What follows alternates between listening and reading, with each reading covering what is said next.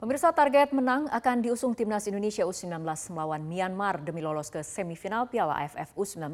Ya, bermain menyerang akan diterapkan pelatih Sintayong demi menggaransi kemenangan. Timnas Indonesia akan menjalani laga hidup mati melawan Myanmar di laga terakhir grup A Piala AFF 2022 minggu malam. Muhammad Ferrari dan kawan-kawan wajib menang jika ingin lolos ke semifinal. Namun tak hanya menang, kelolosan anak asuh pelatih Sintayong juga ditentukan hasil duel Vietnam kontra Thailand. Untuk ke semifinal, timnas U19 berharap laga Vietnam versus Thailand ada pemenangnya atau duel tersebut berakhir imbang tanpa gol. Dengan syarat Garuda Nusantara mampu mengalahkan Myanmar.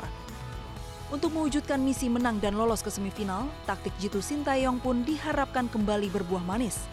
Utak-atik skema formasi dan rotasi pemain di sejumlah lini kemungkinan akan dilakukan pelatih asal Korea Selatan itu. Salah satunya adalah menentukan ujung tombak antara Rabbani Tasnim yang mengemas hat-trick ke gawang Filipina atau Hoki Caraka yang menjadi top scorer sementara timnas U19. Peluang untuk menurunkan keduanya sekaligus juga terbuka lebar demi menggaransi kemenangan. Formasi 3-4-3 kemungkinan akan menjadi pilihan Sintayong karena cocok untuk tipe bermain menyerang sejak kick-off. Sintayong pun berharap absennya Marcelino Ferdinand tidak berdampak pada mental dan menurunnya motivasi pemain. 어, 그리고 우리 마르셀로가 있기 때문에 우리 선수들한테 어, 팀을 위해서 희생하는 어, 그런 정신을 계속 주입시키고 있습니다. 어, 우리 모든 선수가 어, 팀이 하나라는 것을 인지하고 팀을 위해서 다 헌신하기 때문에 어, 더 좋은 팀으로 발전할 거라고 보고 있으면 됩니다. Jika dilihat dari rekor lima pertemuan terakhir kedua tim di Piala AFF U19, Indonesia berhasil mengalahkan Myanmar tiga kali. Namun sang lawan juga patut diwaspadai karena mampu sekali menang dan sekali menahan imbang Indonesia.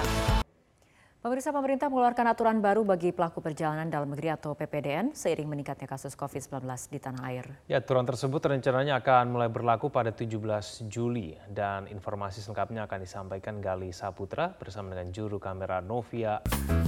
Ya pemirsa, pemerintah kini telah mengeluarkan aturan terbaru bagi pelaku perjalanan dalam negeri atau PPDN. Aturan terbaru ini termaktub dalam Surat Edaran Nomor 21 Tahun 2022. Sementara untuk penyesuaiannya eh, termaktub dalam Surat Edaran Nomor 22 Tahun 2022. Rencananya aturan terbaru ini akan mulai diberlakukan pada 17 Juli mendatang. Dalam aturan ini dijelaskan bahwa e, mereka yang sudah mendapatkan vaksin booster atau dosis ketiga tidak wajib menunjukkan hasil screening tes e, COVID-19 saat melakukan perjalanan. Sementara mereka yang baru mendapatkan vaksinasi dosis kedua wajib menunjukkan tes antigen 1 kali 24 jam atau tes PCR 3 kali 24 jam. Mereka yang baru mendapat vaksin kedua juga bisa mendapatkan vaksinasi booster uh, di lokasi keberangkatan atau onsite. Sementara itu mereka yang baru mendapatkan uh, satu kali uh, dosis vaksin harus uh, menunjukkan hasil tes PCR 3 kali 24 jam. Dan aturan ini juga mengatur perjalanan bagi anak-anak usia 16 sampai 17 tahun. Mereka tidak diwajibkan melakukan testing namun harus menunjukkan hasil atau sertifikat dosis vaksinasi lengkap. Dan untuk anak usia kurang dari 6 tahun tidak diwajibkan menunjukkan hasil screening tes COVID-19 namun mereka diwajibkan melakukan perjalanan bersama pendamping. Dan aturan ini juga memuat beberapa pengecualian khususnya bagi uh, para pengguna jalan yang aturan ini juga memiliki beberapa pengecualian khususnya bagi PPDN yang melakukan perjalanan rutin uh, menggunakan moda transportasi uh, pribadi ataupun umum yang berada di suatu wilayah atau perkotaan. Pengecualian juga berlaku untuk moda transportasi perintis atau di wilayah 3T yang merupakan daerah tertinggal, terdepan, dan Gubernur DKI Jakarta Anies Baswedan pagi tadi melaksanakan sholat id di JIS, sementara Gubernur Jawa Tengah bersama dengan keluarga sholat id di Simpang 5 Semarang. Gubernur DKI Jakarta Anies Baswedan melaksanakan sholat id di Jakarta International Stadium. Anies terlebih dahulu memberikan sambutan sebelum pelaksanaan ibadah sholat Idul Adha. Anies Baswedan mengajak jemaah mendoakan warga Indonesia yang menjalani ibadah haji tahun ini – ia mendoakan supaya mereka menjadi haji yang mabrur setibanya di tanah air. Anies pun menyampaikan rasa syukur pelaksanaan sholat Idul Adha di JIS dapat berlangsung dengan baik. Gubernur Jawa Tengah Ganjar Pranowo melaksanakan sholat Idul Adha di lapangan Pancasila Simpang 5 Kota Semarang. Imam Besar Masjid Agung Jawa Tengah atau MAJT, Zainuri Ahmad Al-Hafiz, ditunjuk sebagai imam, bertindak sebagai khotib adalah Rektor UIN Wali Songo Semarang, Imam Taufik. Ganjar mengucapkan syukur bahwa sekarang bisa melaksanakan sholat id lagi dan juga tertib. Menurutnya ada nilai yang bisa kita teladani bagaimana membangun solidaritas, termasuk bagaimana kita berkurban, bahkan pada nilai yang paling kita sayangi dan paling kita cintai. Ganjar juga mengingatkan kembali masyarakat yang hendak berkurban untuk memastikan hewan kurbannya benar-benar sehat. Hal itu disampaikan mengingat saat ini masih ada penyakit mulut kuku yang berpotensi menular kepada hewan kurban seperti sapi, kerbau, dan juga kambing. Sedangkan Panglima TNI Andika Perkasa melaksanakan sholat id di Masjid Istiqlal mendampingi Presiden Jokowi.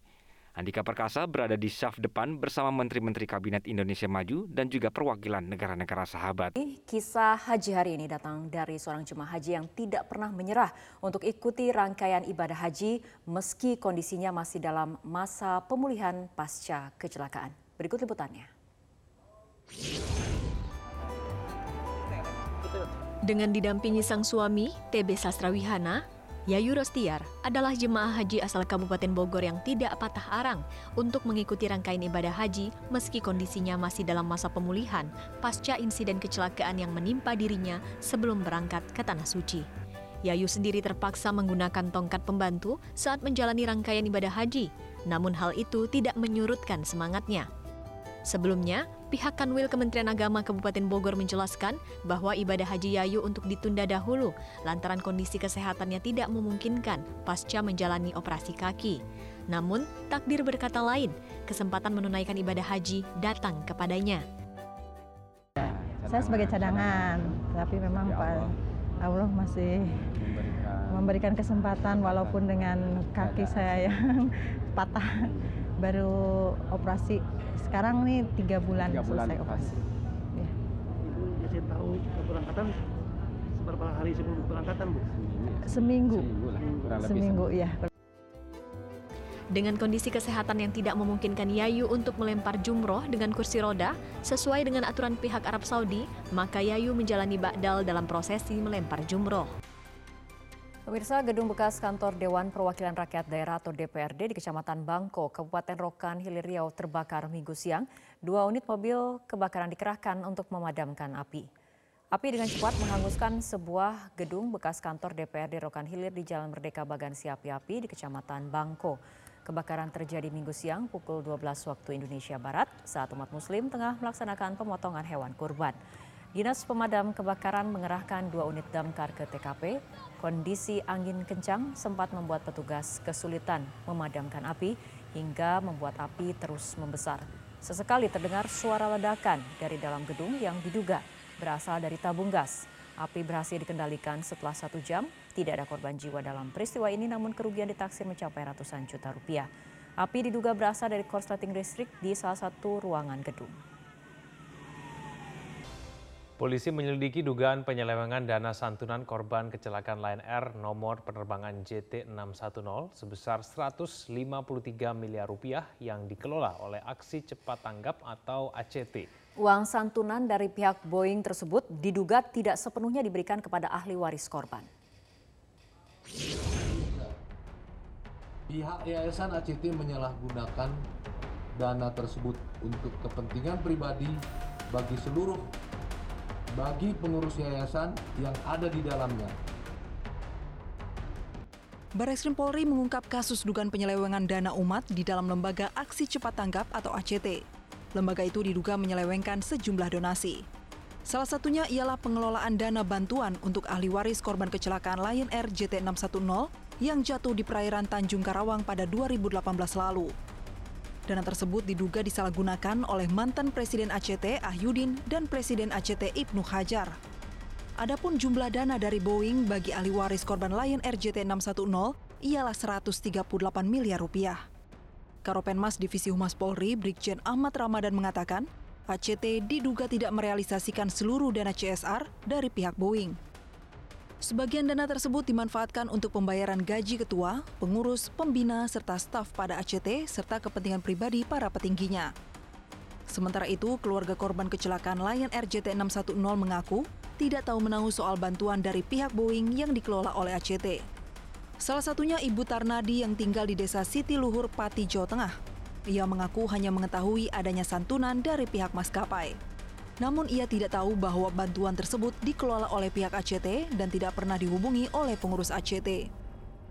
Katanya dapat apa eh, sekolahan, anu, tapi ternyata realisasinya nggak ada. Ya kami orang tua nggak nggak tahu yang sebenarnya gitu entah itu benar atau enggak terus ternyata enggak enggak ada tapi pernah dihubungi pihak ACT belum bu sampai sekarang belum ini? belum pernah belum pernah ACT itu apa aksi cepat tanggap enggak uh, pernah enggak. Meski telah memeriksa para petinggi ACT pada Jumat lalu, namun Bareskrim belum mengumumkan nama tersangka. Kepolisian baru merilis pasal berlapis yang dikenakan dalam kasus ini.